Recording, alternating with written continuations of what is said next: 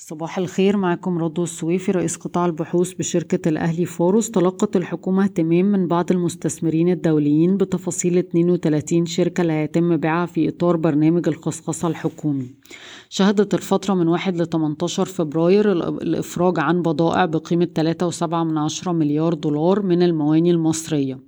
قررت الحكومة إلغاء القرار بفرض ضوابط على أسعار الأرز في السوق المحلي أملا في زيادة المعروض. قدر وزير المالية الشركات اللي انضمت للفاتورة الإلكترونية ل 295 ألف شركة ارتفاعا من 134 شركة في 2020 وافق مجلس النواب على مشروع قانون بيسمح للمشروعات الصناعية غير المرخصة بالحصول على تراخيص مؤقتة لمدة عام وتتجدد عامين من هيئة التنمية الصناعية.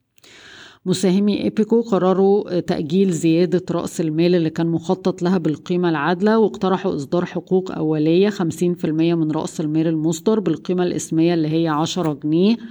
ولسه ده هيتعرض على مجلس الإدارة. السهم بيتم تداوله عند مضاعف ربحية 6.3 من عشرة مرة لعام 2023 الصندوق السيادي المصري هيدخل فيه شراكة في قطاع الصحة والأدوية ويشتري حصة أقلية في صيدلية العزبي احتمال تكون مع B Investments أو مع شريك آخر محددوش ستقوم وزارة النقل بتقييم العروض المتقدمة لمشروع الترام اللي قيمته 450 مليون يورو في اسكندرية منتصف الشهر المقبل وبفكركم إن راسكم للإنشاءات من بين الناس اللي مقدمة عروض.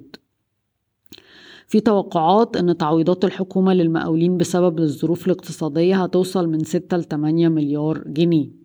مدينة نصر وقعت مذكرة تفاهم مع كونستاك Construction and Design لتنفيذ أعمال بناء بقيمتها 500 مليون جنيه مصري في مشروع سراي. ماجد شريف هيتنحى عن منصبه كعضو منتدب لسوديك اعتبارا من 14 إبريل وتم تعيين أيمن عامر مدير عام اعتبارا من 15 فبراير. بنك البركة مصر سجل صافي الربح في الربع الرابع من 22 500 مليون جنيه مصري ليصل الأرباح في 2022 لواحد وتمانية من عشرة مليار جنيه بارتفاع خمسة وخمسين في المية على أساس سنوي بسبب قوة الأرباح التشغيلية وانخفاض النفقات وانخفاض المخصصات وده أعلى من توقعاتنا. والسهم رخيص جدا قيمته العادلة 12 جنيه وتسعين قرش وبيتم تداوله عند مضاعف ربحية أربع مرات ل 2023 ومضاعف قيمة دفترية 8 من عشرة مرة.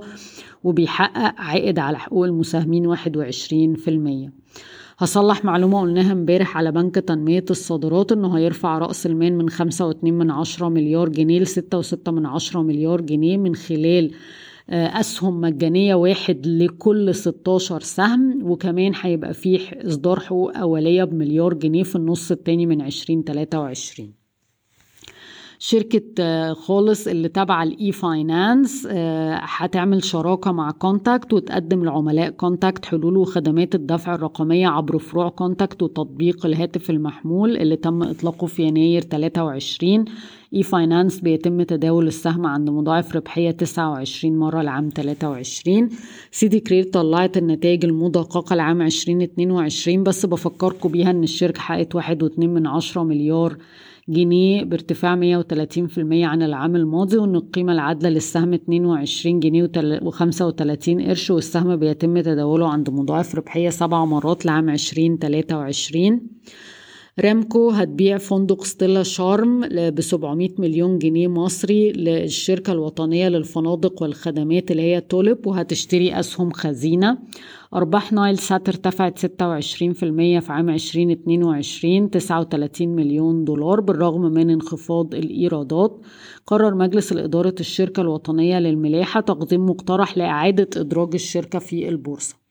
تحديث أسعار السلع العالمية البرنت عند 83 دولار للبرميل نزل 4% اليوريا كسرت ال 400 دولار لتحت عند 380 دولار نزلت 7% في أسبوع البولي إيثيلين عند 1170 دولار للطن آه، طالع 2.5% البولي بروبيلين ثابت عند 1060 دولار للطن الفرق بين أسعار الحديد وخام الحديد. 467 دولار للطن آه، ثابت. الألمونيوم نزل 2.5% عند 2347 دولار للطن. أسعار الأسمنت في مصر 1883 جنيه مصري للطن نازل 3.5% الفحم نازل سبعة ونص في المية عند 210 دولار للطن. أسعار اللبن البودرة عند 2830 دولار للطن مستقرة تقريبا. بشكركم ويوم سعيد.